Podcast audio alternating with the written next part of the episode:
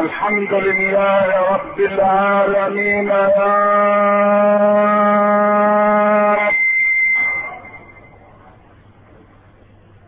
اغفر ذنوبنا وعافنا واهدنا وارزقنا واستر عوراتنا وامن روعاتنا اللهم استر عوراتنا وآمن روعاتنا اللهم اهد أولادنا اللهم اهد أولادنا اللهم اهد أولادنا واجمع شملنا وتول أمرنا وأحسن خلاصنا وفك أسرنا وفقهنا في ديننا وزهدنا في دنيانا وبصرنا بعيوبنا اللهم ارزقنا الحلال وبارك لنا فيه اللهم باعد بيننا وبين الحرام كما باعدت بين المشرق والمغرب اللهم اجعل اخر كلامنا لا اله الا الله واجعل خير ايامنا يوم لقائك ارزقنا قبل الموت توبة وعند الموت شهادة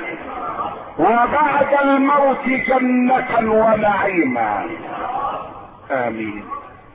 آمين واشهد ان لا اله الا الله قال لموسى واخيه هارون يقول الى فرعون انه طغى فقولا له قولا لينا لعله يتذكر ويخشى قالا ربنا اننا نخاف ان يفرط علينا او ان يطغى قال لا تخاف الذي معكما اسمع وارى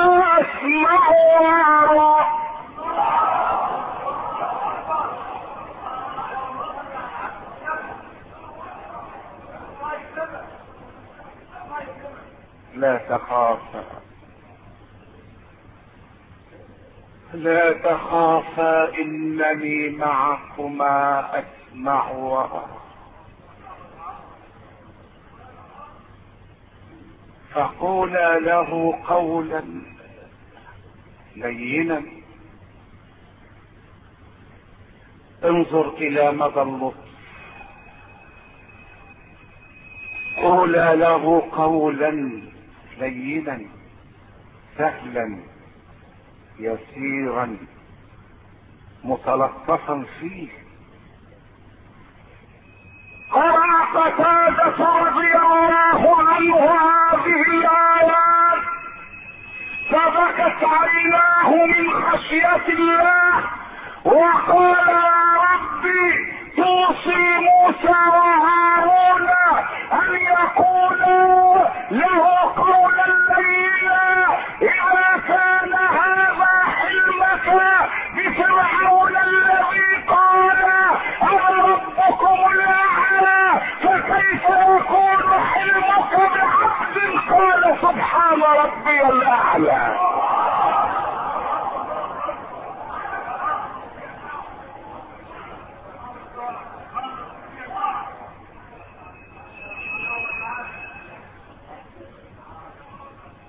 الهي يا الهي اذا كان هذا حلمك بفرعون الذي قال انا ربكم الاعلى فكيف اكون في المكة بعبد قال سبحان ربي الاعلى واذا كان هذا حلمك بفرعون الذي قال ما علمت لكم من اله غيري فكيف يكون حلمك بعبد قال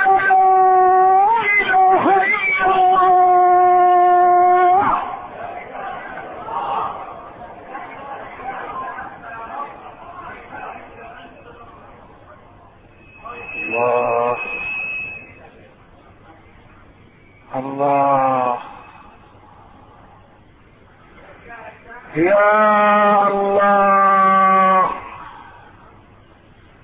يا من له الامر في عز وتمكين وكل امر جرى بالكاف والنون يا من وصفت بحالي قبل تكويني لا تجعل النار يوم الحشر تكويني يا تصطبح آلي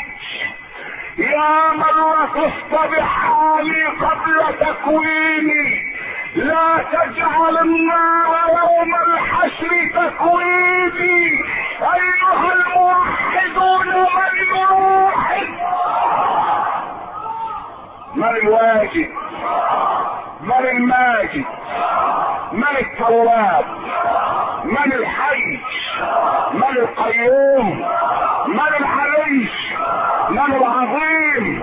من الغفور من الشكور من الصبور من الحليم من العظيم من الكريم من الجليل من الكثير من الوكيل من الرحمن من الرحيم من الملك من القدوس من السلام المؤمن من المهيمن من العزيز من الجبار من المتكبر من الخالق من البارئ من المصور من العزيز من الحكيم من الواجد من الماجد من الواحد من الواحد من الواحد وحد واحد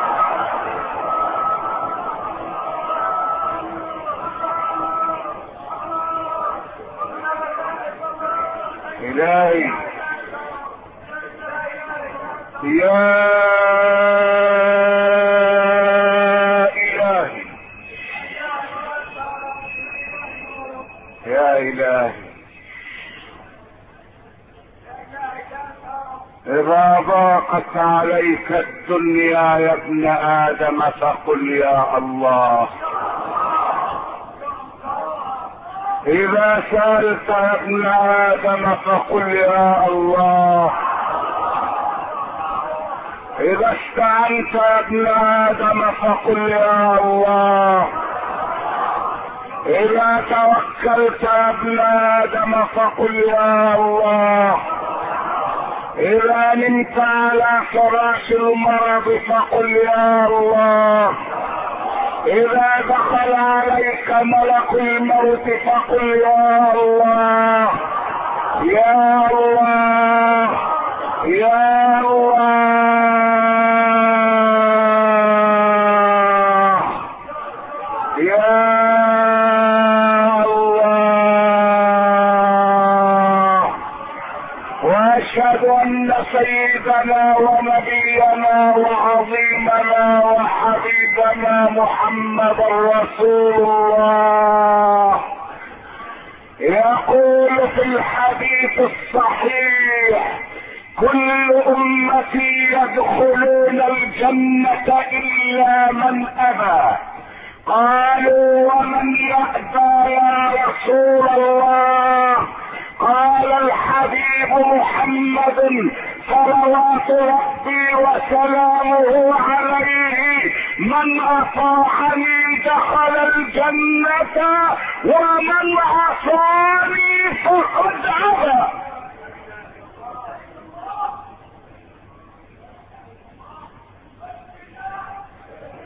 كل امتي يدخلون الجنه إلا من أبى قالوا ومن يأبى من يأبى قال الحبيب من أطاعني دخل الجنة ومن عصاني فقد أبى فقد أبى يا معشر الإخوة إن سلعة الله غالية إن سلعة الله الجنة فكل نعيم دون الجنة حقير وكل بلاء دون النار عافية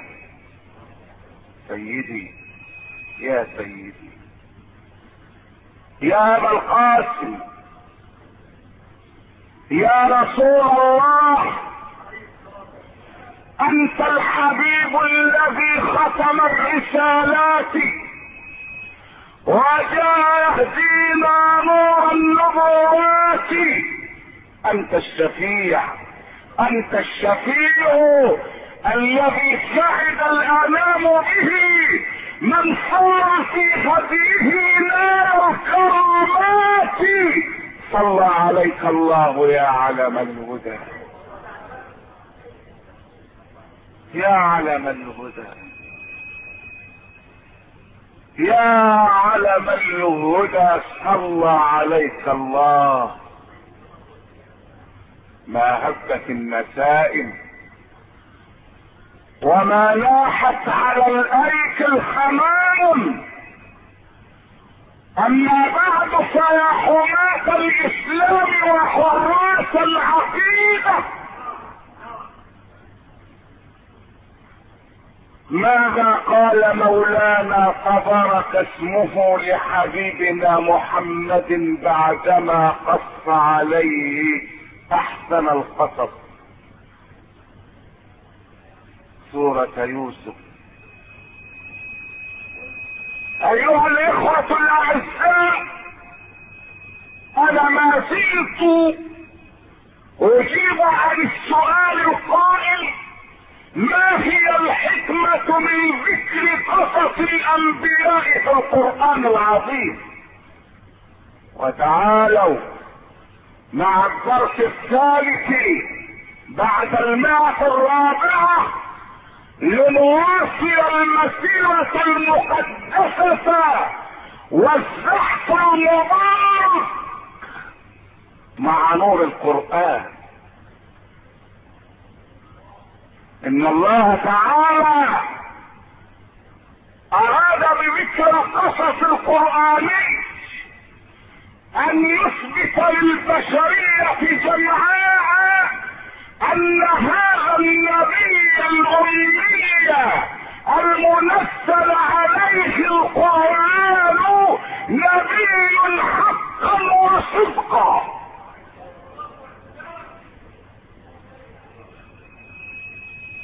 وتعالوا الى سوره يوسف لنرى ماذا قال مولانا للحبيب بعد قصة استوعبت الصورة كلها الا قليلا اسمعوا الى نبي الله يوسف بعد رحلة استمرت اربعين عاما فرق بينه فيها وبين أبيه يعقوب حتى أن يعقوب ابيضت عيناه من الحزن فهو كظيم ونام يعقوب ذات ليلة فرأى ملك الموت في المنام فقال له يعقوب يا ملك الموت ألقبت روح يوسف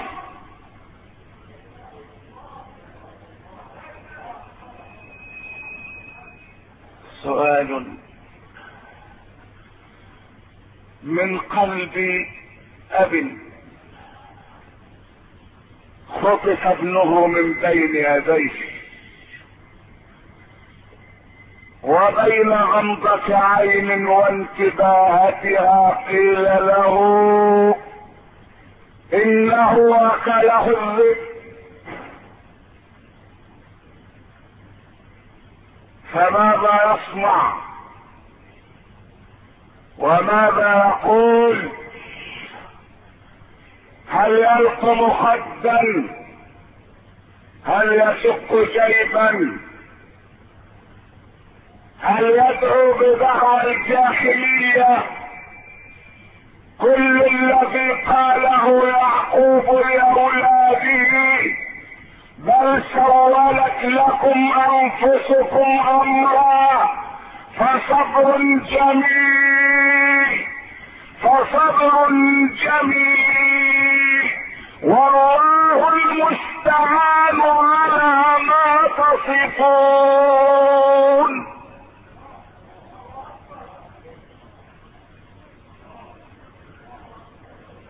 يا ملك الموت يا ملك الموت هل قبضت روح يوسف إن يعقوب كان يعلم علم اليقين أن يوسف لم يأكله الذئب لأن يوسف في أول الصورة قال له إني رأيت أحد عشر كوكبا والشمس والقمر رأيتهم لي ساجدين يا ان قلوب الاباء على الابناء امرها عجب ودولتها غريبه اخذت روح يوسف فقال له ملك الموت يا نبي الله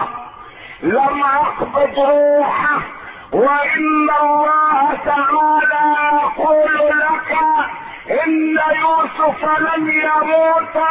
ولن تموت حتى يجمع بينكما في الدنيا قبل الاخره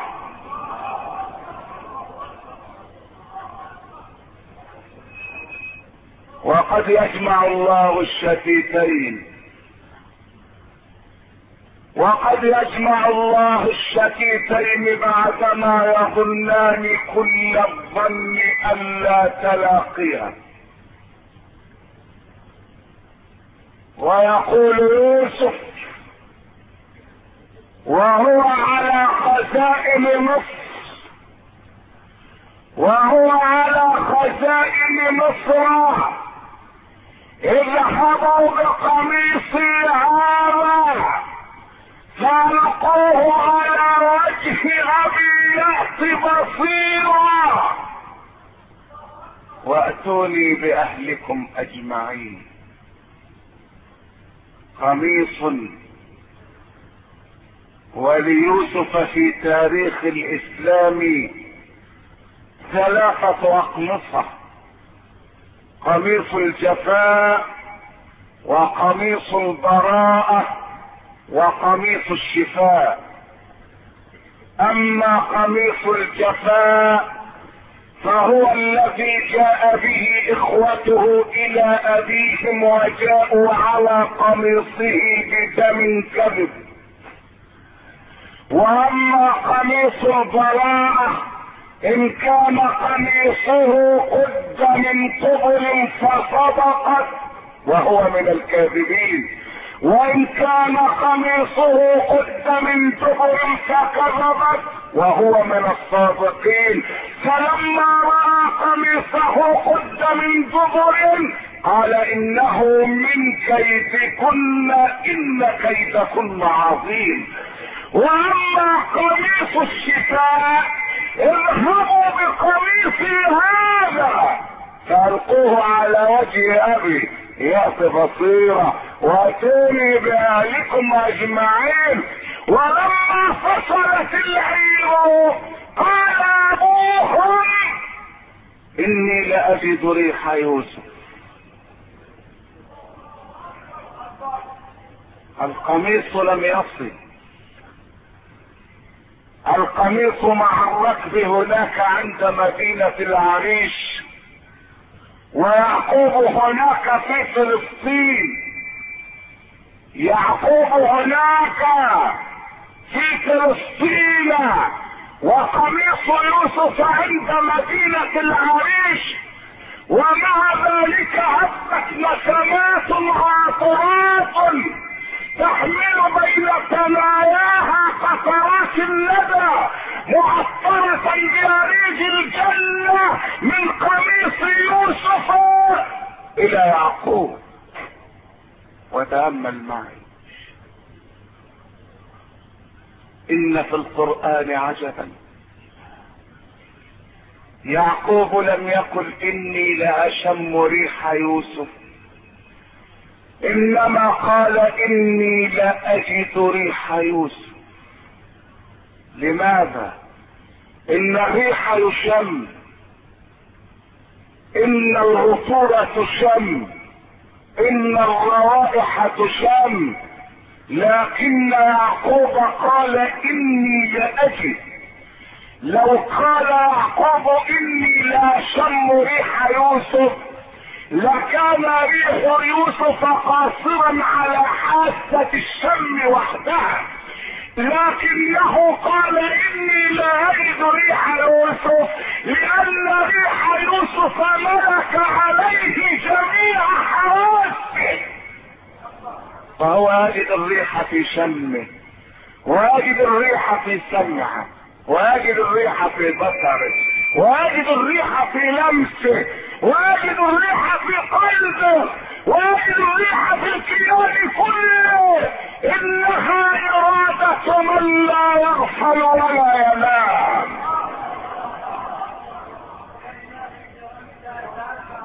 فلما ان جاء البشير والقاه على وجهه فارتد بصيره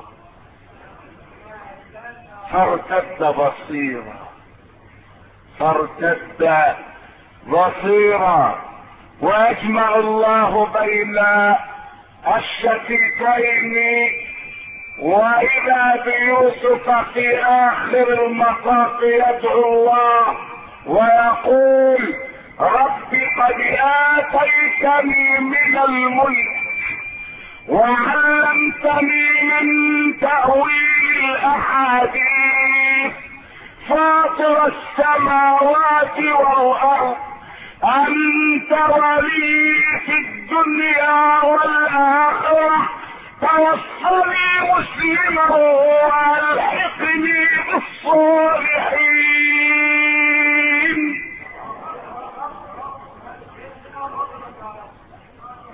اخر المطاف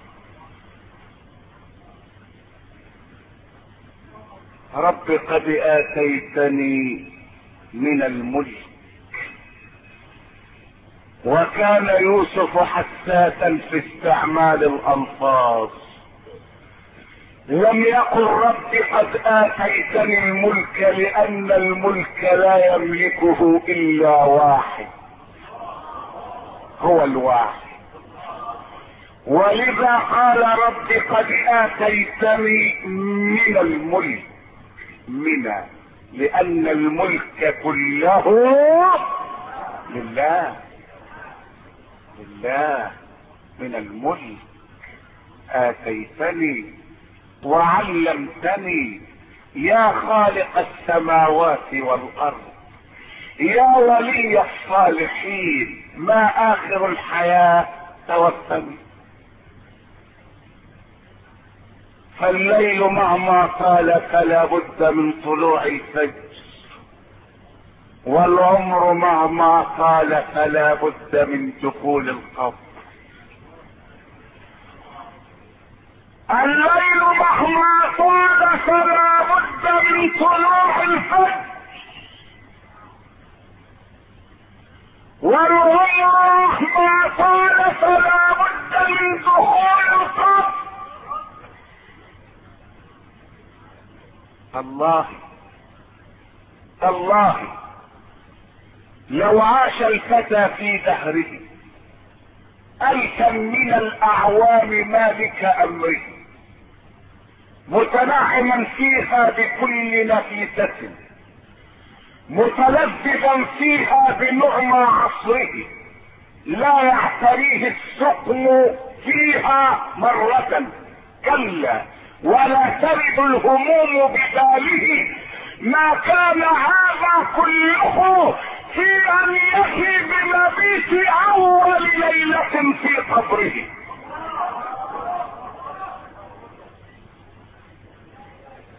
لو عاش الفتى في دهره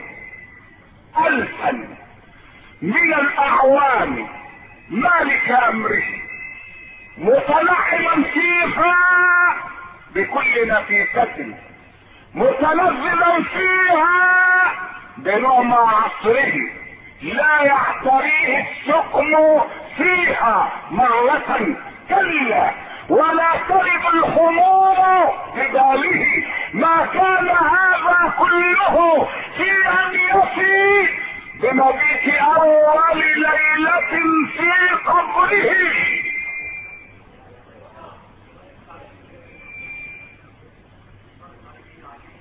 يا الله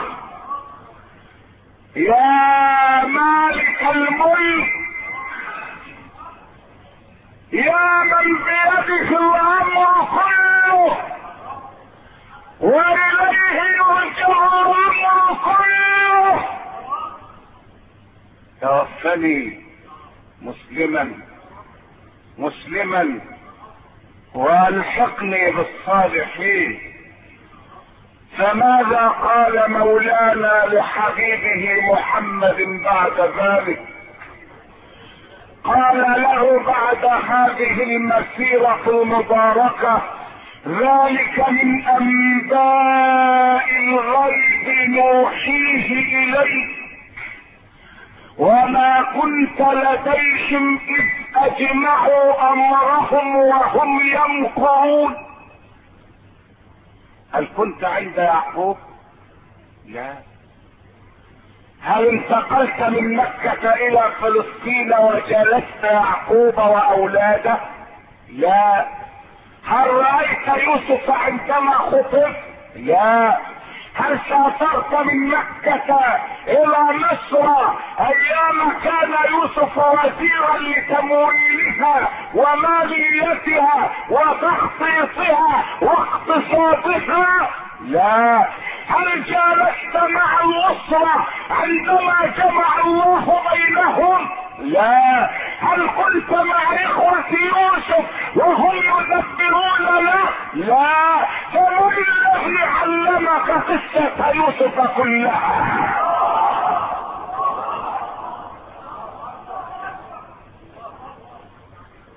من الذي علمك هل قرأت كتبا انه امي لا يقرأ ولا يكتب هل التحقت بالمعاهد والمدارس لا هل ذهبت الى فيلسوف هل تلقيت العلم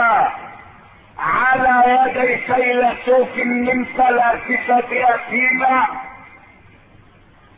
هل جلست امام اكسلوفان او عليكس منظر هل ذهبت الى علماء الشرق او الغرب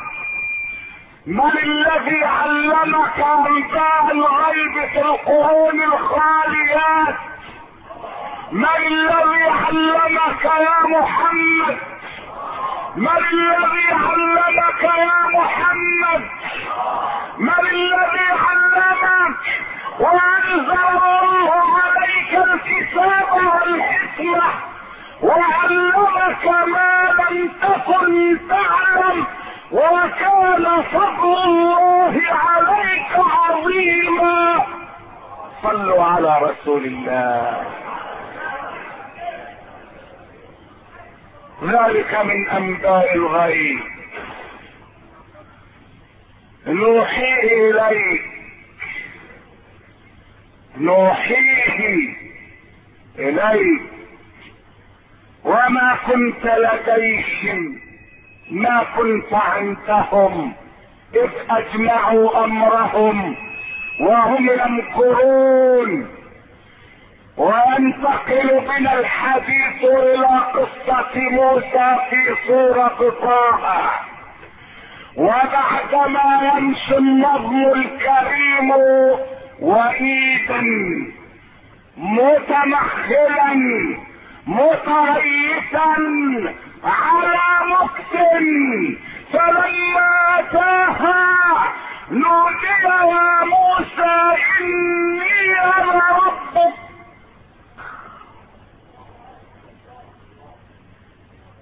اخلع نعليك انك بالوادي المقدس طوى وانا اخترتك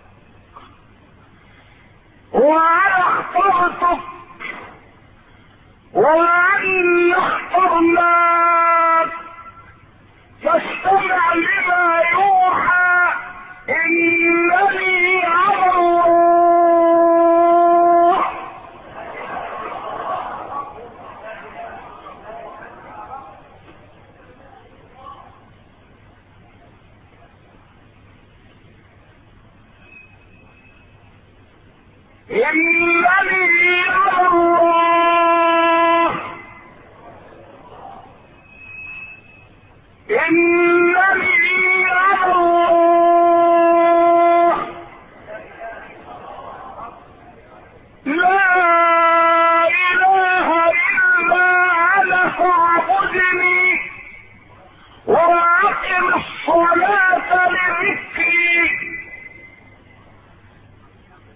ما هذا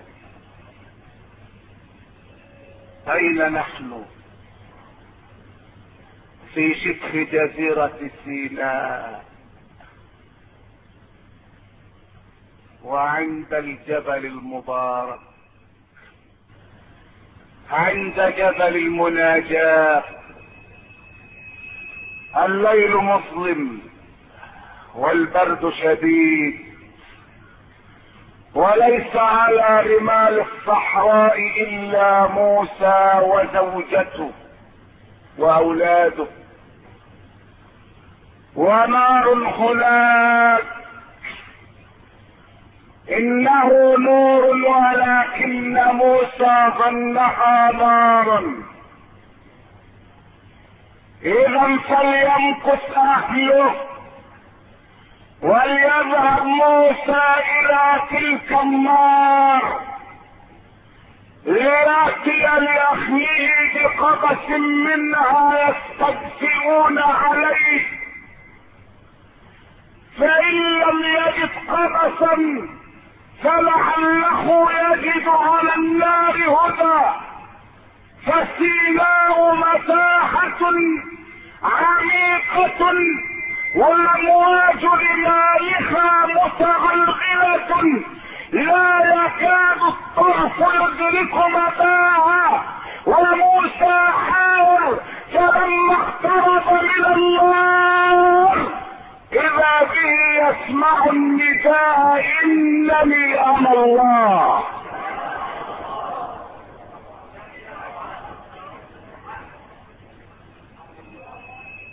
الله إنني أنا الله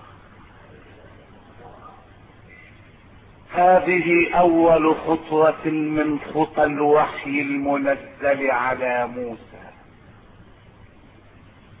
أما أول خطوة من خطى الوحي المنزل على سيدنا اقرأ باسم ربك الذي خلق لماذا لماذا اختلفت خطوات الوحي الاولى موسى انني انا الله لا اله الا انا محمد اقرا لماذا لان موسى ذاهب الى رجل قال يا ايها الملأ ما علمت لكم من اله غيري فقال له الله اذهب الى هذا الكذاب وقل له ليس هناك اله الا الله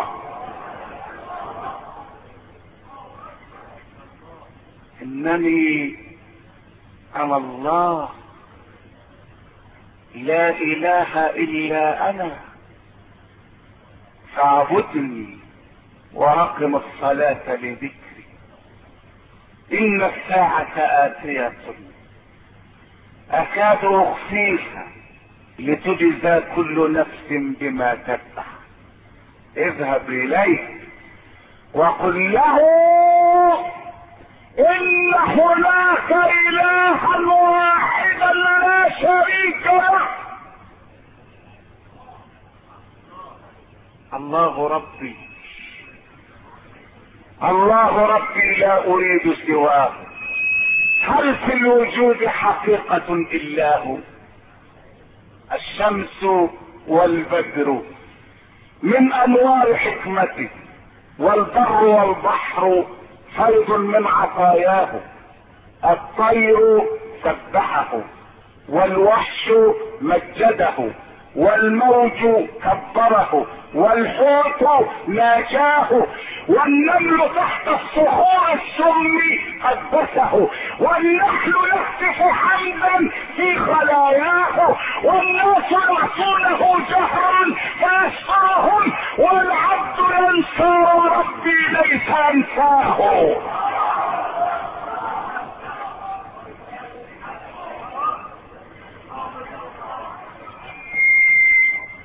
الله الله ربي لا اريد سواه هل في الوجود حقيقة الا هو الشمس والبدر من انوار حكمته والبر والبحر فيض من عطاياه الطير سبحه والوحش مجده والموج كبره والحوت ناجاه والنمل تحت الصخور السم قدسه والنحل يهتف حمدا في خلاياه والناس يحصونه شهرا فاصفاهم والعبد ينساه وربي ليس ينساه ربي ليس ينساه وربي ليس ينساه لا اله الا الله يا موسى يا موسى انني انا الله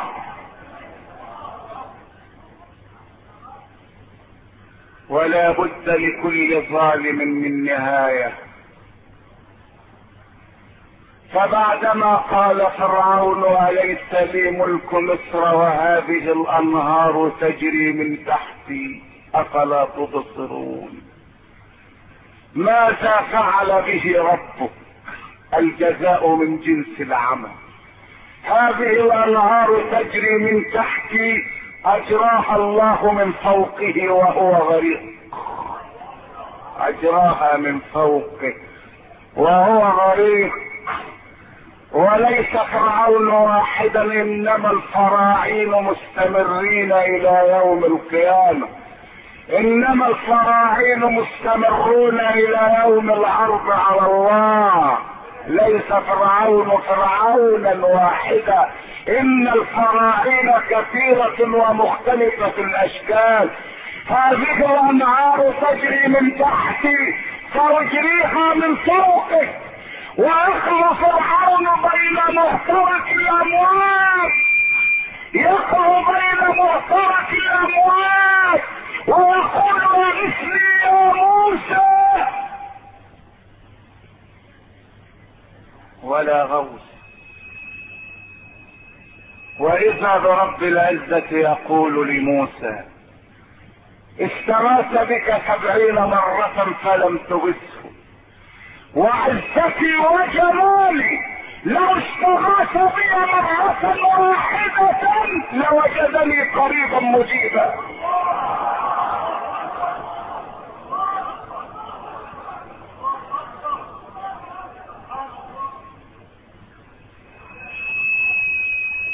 لوجدني قريبا مجيبا ان ملكا من ملوك الارض كان له قصر مليف مشيد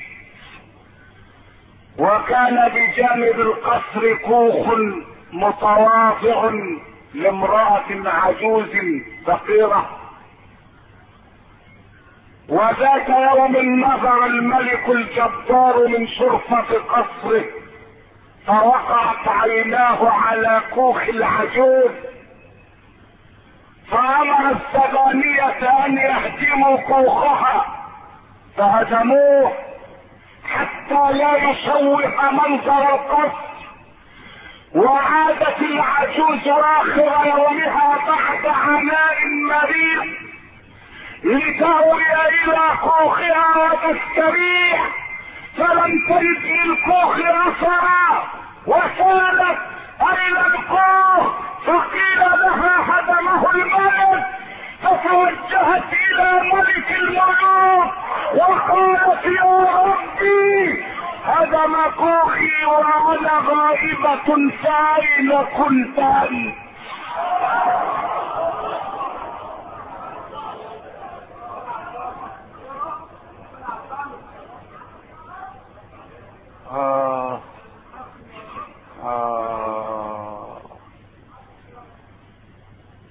قدمت وأنا غائبة إذا كنت غائبة فأين كنت أنت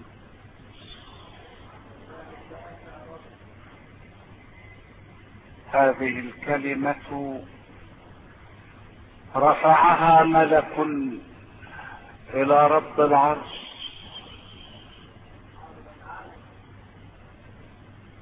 رفعها ملك كريم الى رب العرش العظيم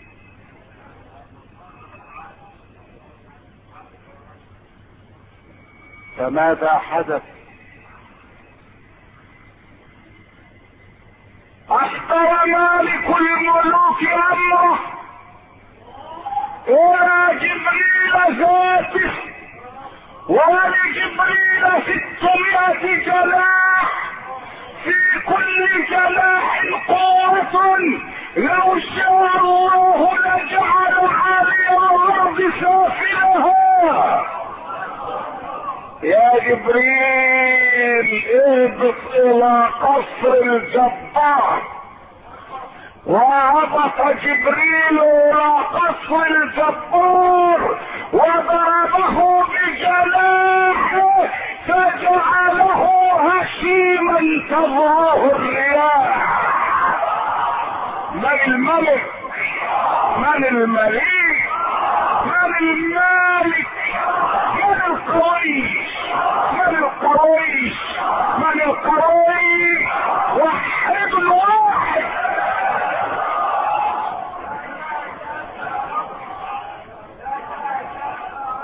لا تظلمن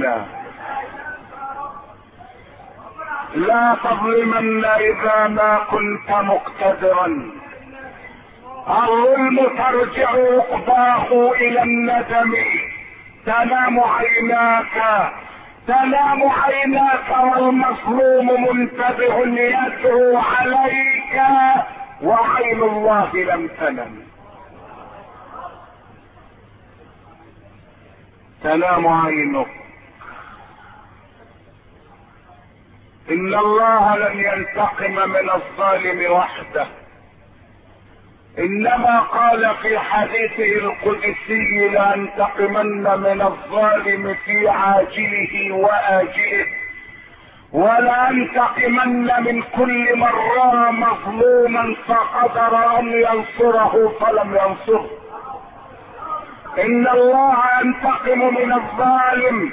وممن حاول الظالم حتى من ترى له قلما او ناوله ذوات حبر ليكتب منها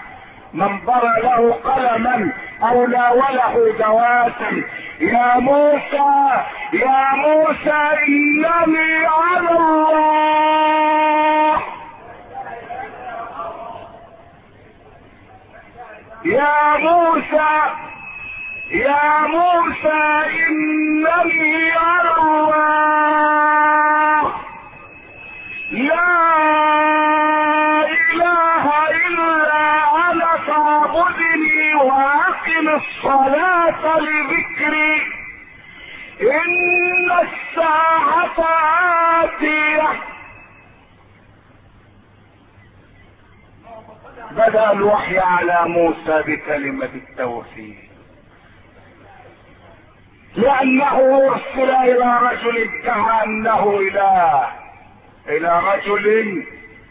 غرته قوته واستغفل شعبه وحشر ونادى وقال انا ربكم الاعلى اما وحي الحبيب محمد فقد بدا اقرا باسم ربك الذي خلق لماذا لان معجزة الامي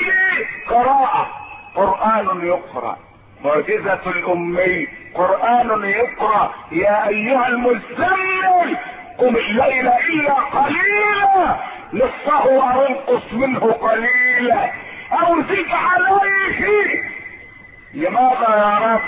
اقوم الليل بماذا لماذا يقوم الليل ليشاهد مدرسة المشاغبين ليشاهد شلة المراهقين ليلعب القمار ليشهد فيلما من الافلام ليلعب الشطرنج بعدما تنتهي المسيرة المباركة في سورة طه يقول ربنا لحبيبنا كذلك نقص عليك من انباء ما قد سبق وقد اتيناك من لدنا ذكرا كذلك نقص عليك من الذي علمك شان موسى ومن الذي علمك ما حدث بينه وبين فرعون وما كنت بجانب الغربي اذ قضينا الى موسى الامر وما كنت من الشاهدين ولكن انشانا قرونا فتطاول عليهم العمر وما كنت ساويا في اهل مدينة تتلو عليهم اياتنا ولكنا كنا مرسلين وما كنت بجانب الطور اذ نادينا ولكن رحمة من ربك ايها الاخوة المسلمون ايها الاخوة المؤمنون اذا لم يكن بجانب الغربي ولم يكن بجانب الطور فمن الذي اوحى اليه كل هذه العلوم انه الله دليلا على نبوة حبيبه محمد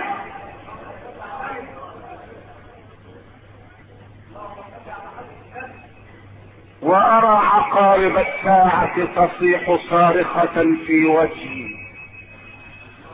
وعد من جبل الطور الى هنا فان الوقت يزحف زحفا وحتى لا ينسلخ بصاص الوقت من تحت قدمي اعود بحضراتكم من هنالك حيث يوسف الكريم وموسى الكريم الى هناك حيث السيناء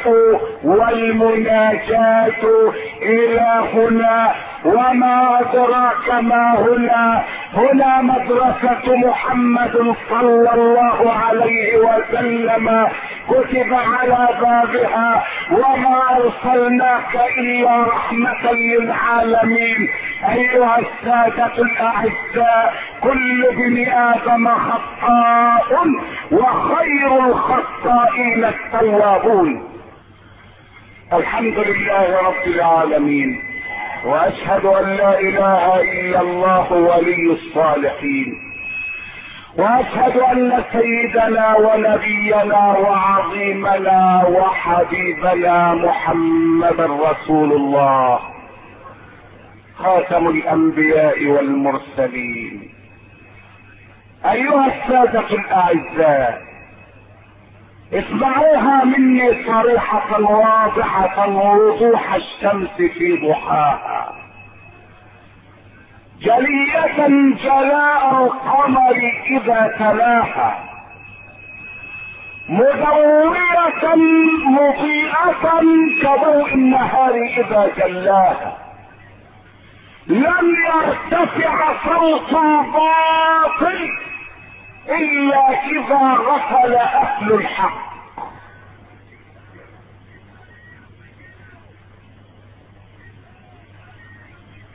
لن يرتفع فوق الباطل الا اذا غفل اهل الحق ماذا حدث ظهر في السودان رجل اسمه محمود محمد طه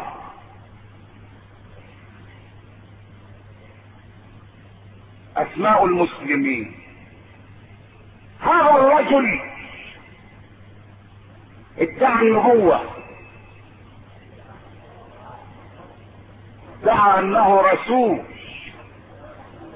فلما فوجئ بقوله تعالى ما كان محمد ابا احد من رجالكم ولكن رسول الله وخاتم النبيين قال انا رسول ولست نبيا محمد خاتم النبيين اما انا فرسول ومحمد خاتم النبيين انا رسول هذا الرجل نحب ان نناقشه فان دعوته انتشرت في ارجاء السودان شرقا وغربا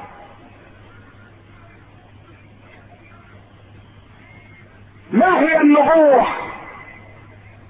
وما هي الرساله وايهما اعم وايهما اخص النعومة وحي من الله النبوة وحي من الله والرسالة اخص منها فكل رسول لا بد ان يكون نبيا اولا لا رسالة بلا نبوة ولا نبوة بلا وحي كل نبي لا بد ان يوحى اليه كل رسول لا بد ان يكون اولا نبيا ولذلك فان عدد الانبياء اكثر بكثير من عدد الرسل الانبياء مئة خمسة وعشرين الف نبي والرسل 313 رسول كل رسول قبل ان يكون رسولا لابد ان يتخرج في جامعة الانبياء اولا هل يجوز لحامل الشهادة الابتدائية ان يدخل الجامعة قبل الاعدادية والثانوية لا كذلك لا يجوز لاحد ان يقول انني رسول الا اذا تخرج من جامعة الانبياء اولا كل نبي رسول كل رسول لا بد ان يكون اولا نبيا لان النبوة وحي لا رسالة بلا نبوة ولا نبوة بلا وحي فالنبوة أحق من الرسالة ولذلك لم يقل مولانا ولكن رسول الله وخاتم المرسلين انما قال ولكن رسول الله وخاتم النبيين فاذا خاتم النبيين الأمة هي 25 ألف فرعون يبقى يختم المرسلين اللي هم داخلين تحت النبيين اللي هم 313 رسول فمن ختم الاعم فقد ختم الأخص إذا ختم النبوة فقد ختم الرسالة لأنه لا رسالة بلا نبوة ولا نبوة بلا وحي ونحن نسأل هذا الدجال الخطير في بلاد السودان أنزل عليك وحش إن قال لا قلنا له فمن أين جئت بالتشريع كيف ادعوت الرسالة كيف ادعيت أنك رسول بلا وحش فإن قال نعم نزل علي الوحي قلنا له أقرآن هو أم ماذا إن قال إنه قرآن قلنا له لقد كفرت بقوله تعالى اليوم أكملت لكم دينكم وأتممت عليكم نعمتي ورضيت لكم الإسلام دينا إذ قال إن وحي ليس قرآنا قلنا له نحن لا نريد بالقرآن بديلا إن وحينا هو القرآن ومن يبتغي غير الإسلام دينا فلن يقبل منه وهو في الآخرة من الخاسرين ثم ماذا ماذا قال لأصباح اسمعوا يا علماء الظهر اسمعوا يا علماء السعودية اسمعوا يا علماء المسلمين ماذا يجري على الإسلام يقول هذا الدجال لأتباعه إن المسلم اذا حل اليقين في قلبه اذا نزل اليقين في قلبه اذا اطمأن قلبه رفعت عنه الصلاة والزكاة والصيام والحج والجهاد وجميع العبادات اسمعوا نعم. ان الامر خطير إن الأمر خطير وأخطر ما في الأمر أن يجادل الدجال بالقرآن أخوف ما أخاف على أمتي منافق عليم اللسان يجادل بالقرآن هذا حديث رسول الله اسمعوا إلى دعوة الدجال في محافظات السودان يقول المسلم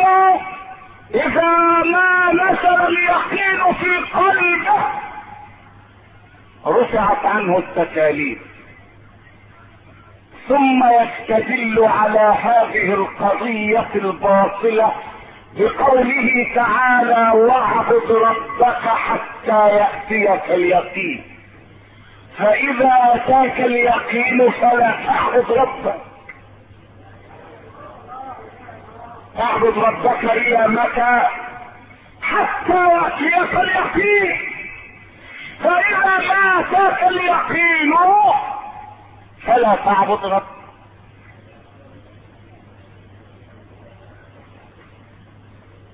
دعوة جديدة كفر جديد ادعى الرسالة فقلنا له ان كنت رسولا فبأي شرع جئت ان كنت جئتنا بالاسلام فان الله قال اليوم اكملت لكم دينكم واتممت عليكم نعمتي ان كنت جئتنا بغير الاسلام فلا شان لنا بك لانك كافر ان كنت رسولا فماذا تقول في قوله تعالى وخاتم النبيين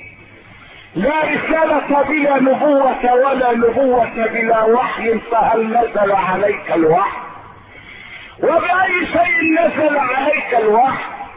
إن كان نزل عليك بالإسلام فنحن مسلمون بعد تمام الدين إن كان نزل عليك بغير الإسلام فأنت من الخاسرين الكافرين يقول الدجال اعبد ربك حتى يأتيك اليقين قلنا له أتدري ما هو اليقين في تلك الآية اليقين هنا هو الموت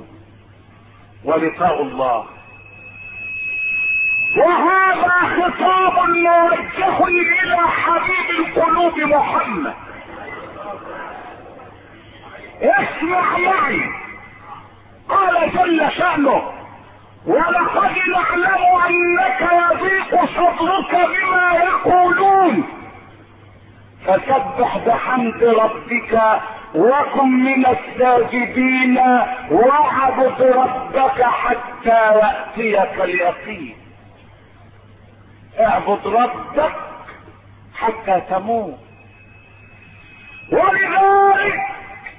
فإن صورة النحل بعد صورة الحجر تماما وبين كل صورة والتي قبلها والتي بعدها رباط وثيق فالقرآن لفظ حامل ونعلم به قائم ورباط بينهما ناظم كل صورة لها مناسبة بما قبلها وبما بعدها اقرأ اخر سورة المائدة قال الله هذا يوم ينفع الصادقين صدقهم لهم جنات تجري من تحتها الانهار خالدين فيها ابدا رضي الله عنهم ورضوا عنه ذلك الفوز العظيم لله ملك السماوات والارض وما فيهن وهو على كل شيء قدير اتت سوره الانعام بعدها الحمد لله لان فصل القضاء يقتضي الحمل اذا جريت في المحكمة من التهمة خرجت من المحكمة تقول الحمد لله فبعدما فصل الله بين العباد وادخل الصادقين الجنة المناسب بعد ذلك ان يقولوا الحمد لله فجاءت سورة الأنعام بعد سورة المائدة مبتدأة بالحمد لله سورة الحجر اخرها واعبد ربك حتى يأتيك اليقين اي الموت سورة النحل بعدها اولها اتى امر الله فلا تستعجلوه امر الله هو القيامة هو القيامة ماذا بعد الموت القيام من مات فقد قامت قيامته وتلك هي الصلة بين الحجر والنحل الصوت بين النحي والاسراء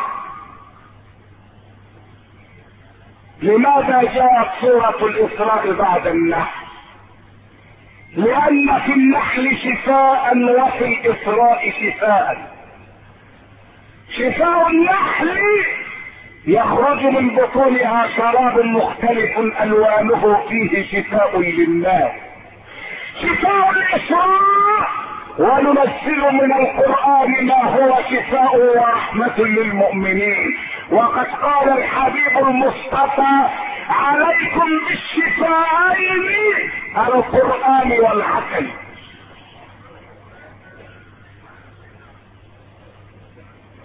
يا دجال السودان اليقين هنا هو الموت والا فهل ترك الرسول الصلاة يوما هل هناك على وجه الارض بشر اكثر يقينا من رسول الله والله الذي لا اله غيره ما ترك الرسول الصلاة حتى في شدة المرض وبينما ابو بكر يصلي بالناس والرسول يصلي في حجرته بعدما اشتد المرض بحبيب الله محمد اذا بالنبي والحمى تهزه هزا يشعر ببعض العافيه فيتوكل على علي بن ابي طالب والفضل بن العباس يتوكل عليهما ويترك فراش المرض الشديد وادخل المسجد في صلاة الفجر وابو بكر يصلي بالناس والرسول لا يقرأ على الصلاة قائمة فجلس بجانب ابي بكر وصلى جالسا لماذا لم يترك الصلاة وكان قلبه كله يقينا كان كله يقينا هل ترك الزكاة اسمعوا وهو في مرض الموت قال لعائشة يا عائشة كم عندي من المال قالت عائشة سبعة دنانير يا رسول الله قال لها الحبيب تصدقي بهن ثم كان اذا أكبر امرا تابعه وبعد اصدرها قالها هل تصدقت بالثمانين يا عائشة قالت يا رسول الله شغلي بمرضك انساني ان اتصدق بهن فبكى الحبيب وقال كيف يلقى محمد ربه وفي بيته سبعة دنانير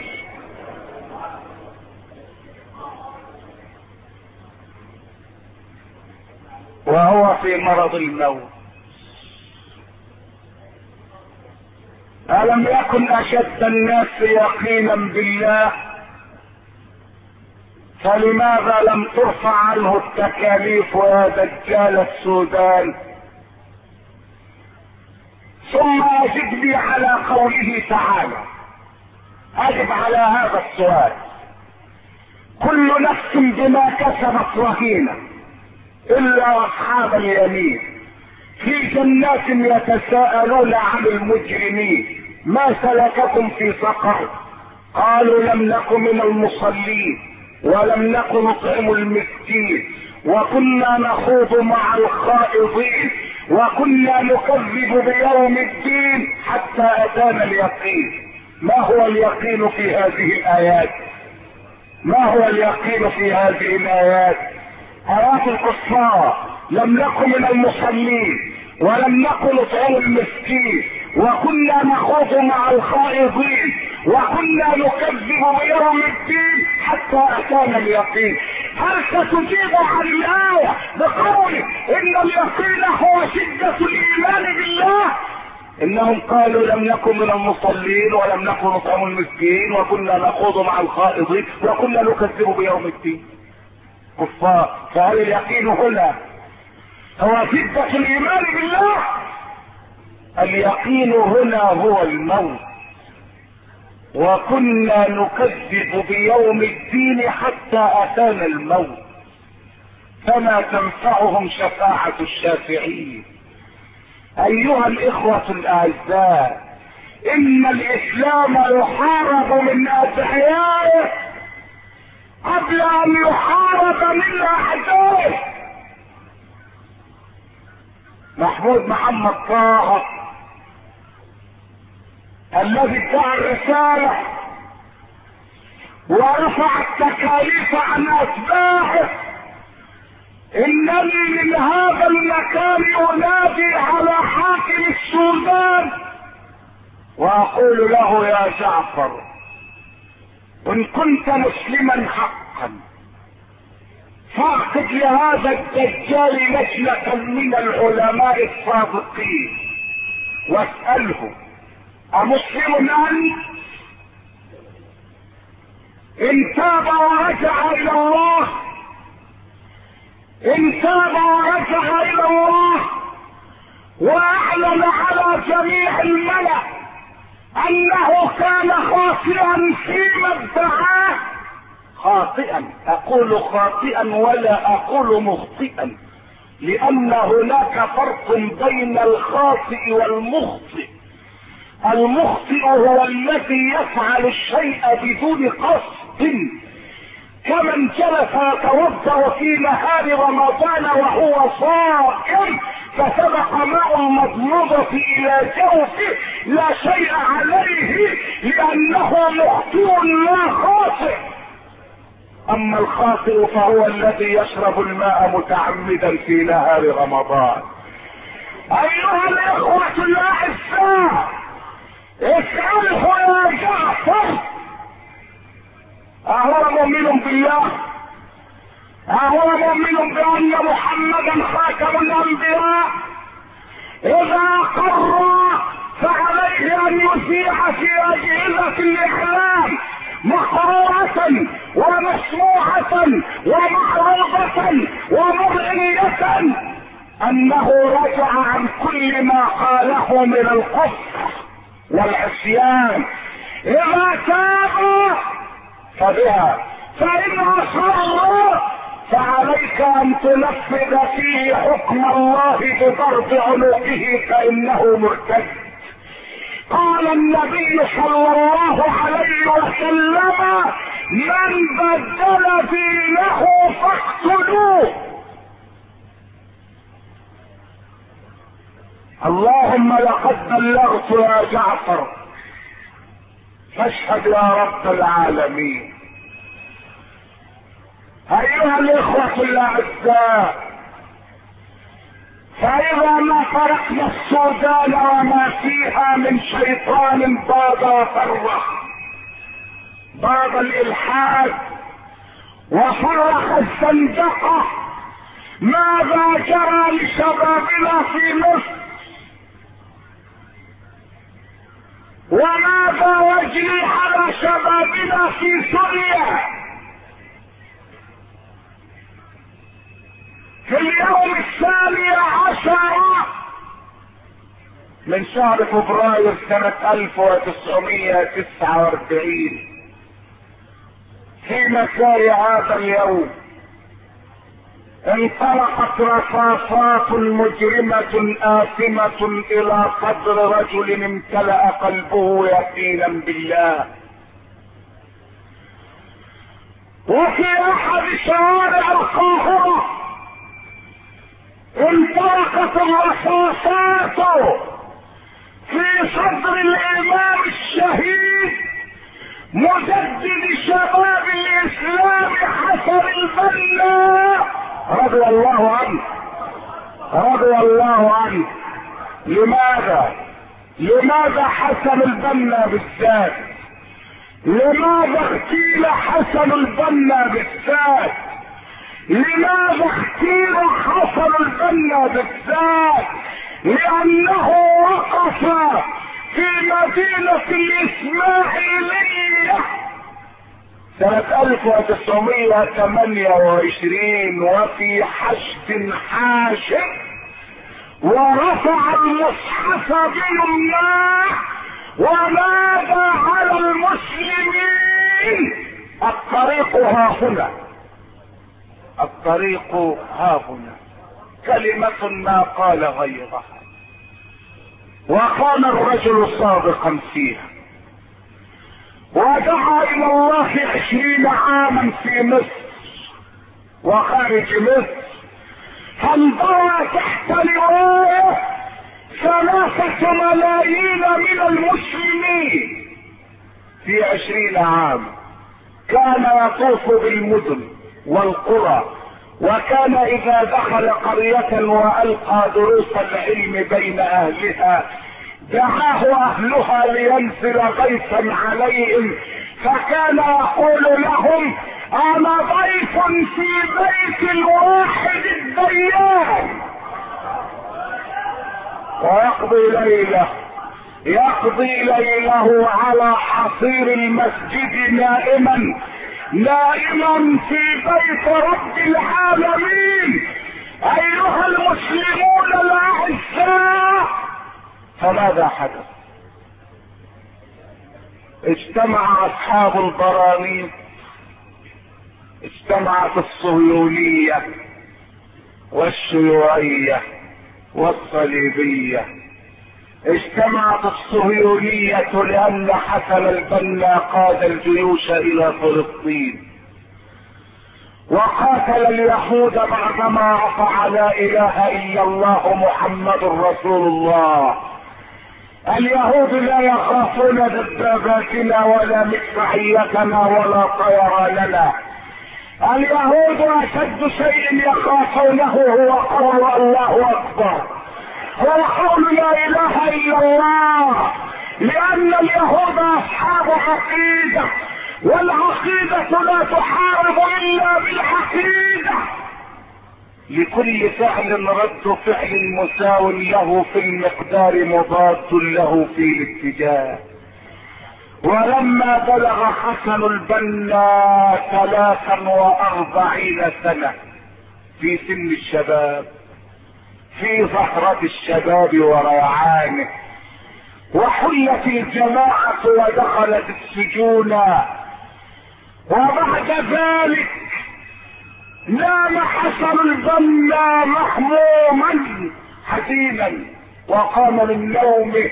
وقال لأخيه لقد رأيت في المنام عجبا رأيت عمر بن الخطاب يشد على يدي ويقول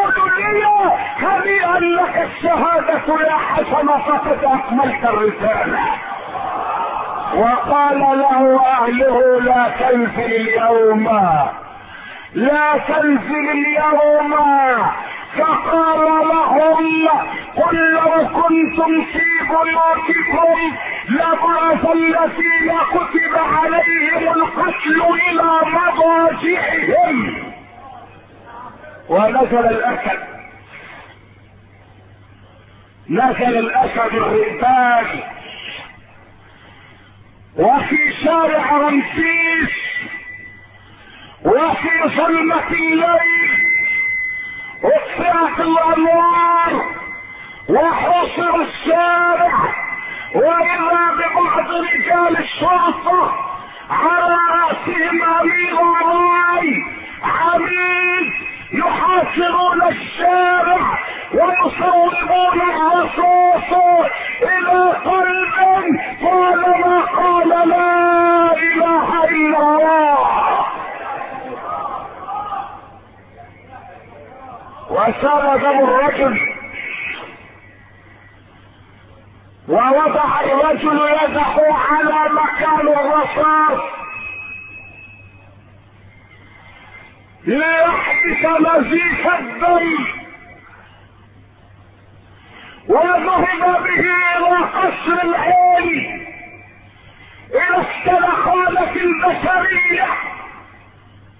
ذهب به الى هناك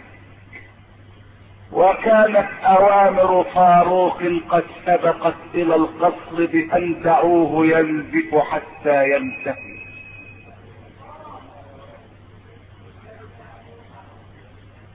ونظر الرجل حواليه ليرى الطب الإنساني فلم يجد حوله يدا رحيمة وكأنه يقول بلسان حاله ما لي منازل أصبحت لا أهلها أهلي ولا جيرانها جيراني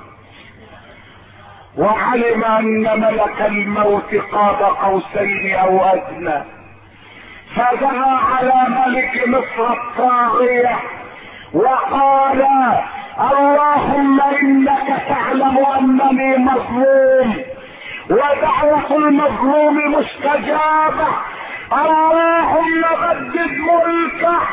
اللهم اهتك عرضه اللهم عرضه للفتن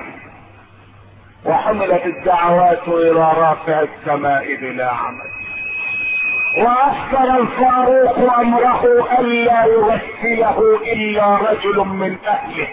ولا يمشي في جنازته احد غير اهله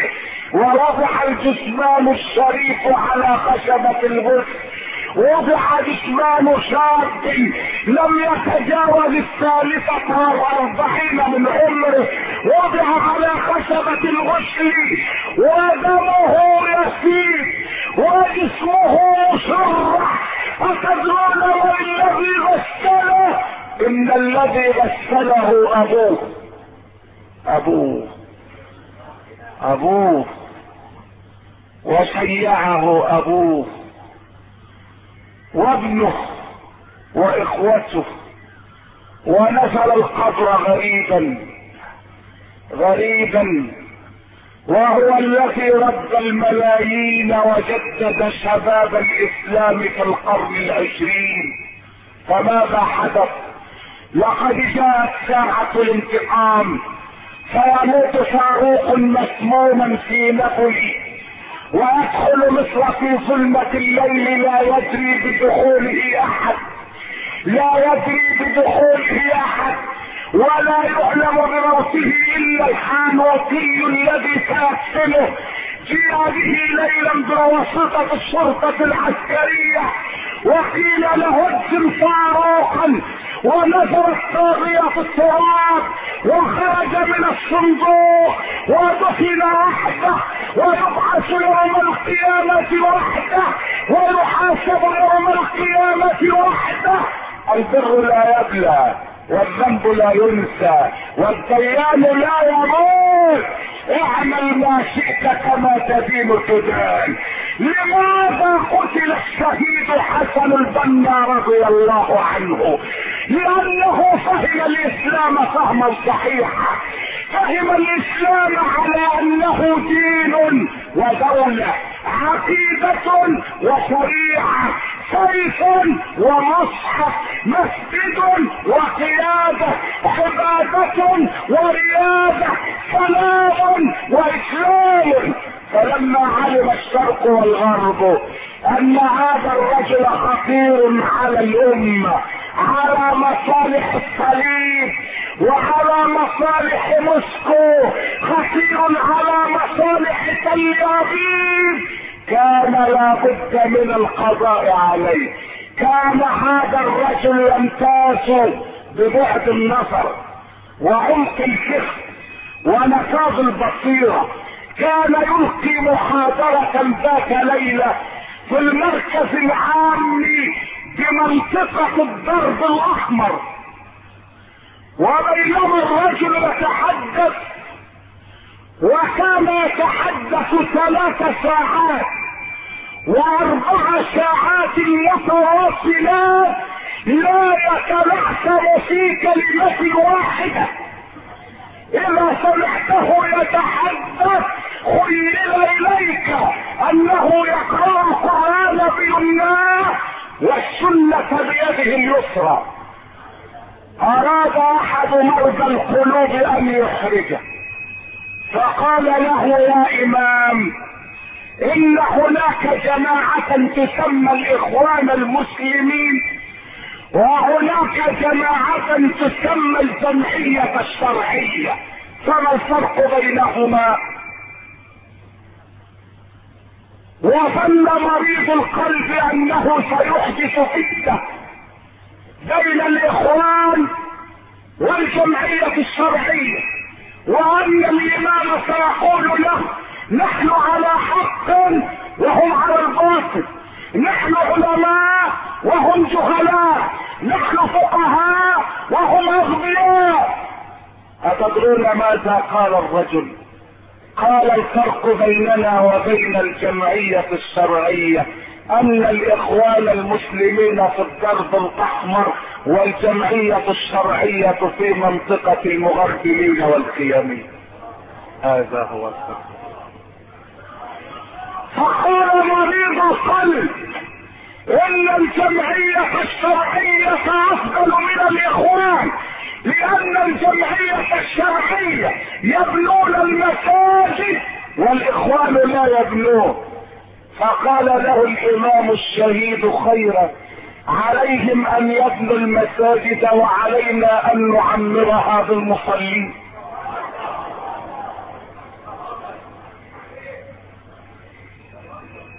دخل مسجدا ذات المؤمن فوجد ثلاثة يتنازعون على الأذان هذا يريد أن يؤذن وذاك يمنعه وهذا يريد أن يؤذن وذاك يدفعه وأوشكت الفتنة أن تستتب بهما وإذا بالإمام الشهيد يقيم الصلاة ويصلي ولا يؤذن وبعد الصلاة قيل له تصلي بغير اثار يا امام فقال الامام رايتكم مختلفين الاذان سنه واتحاد المسلمين واجب فقدمت الواجب على السنه ودخلت الصلاه كان رجلا يسمع ولا يفرق كان رجلا يسود ولا يبدد كان رجلا يفهم الاسلام فهما صحيحا فهما سليما فهما متقنا وعند وفاة الشهيد اختلف المسلمون في مشارق الارض ومغاربها هذه جماعة التوقف وتلك جماعة تكفير وهذه جماعة جهاد هؤلاء سلفيون وهؤلاء خلفيون وهؤلاء الصوفيون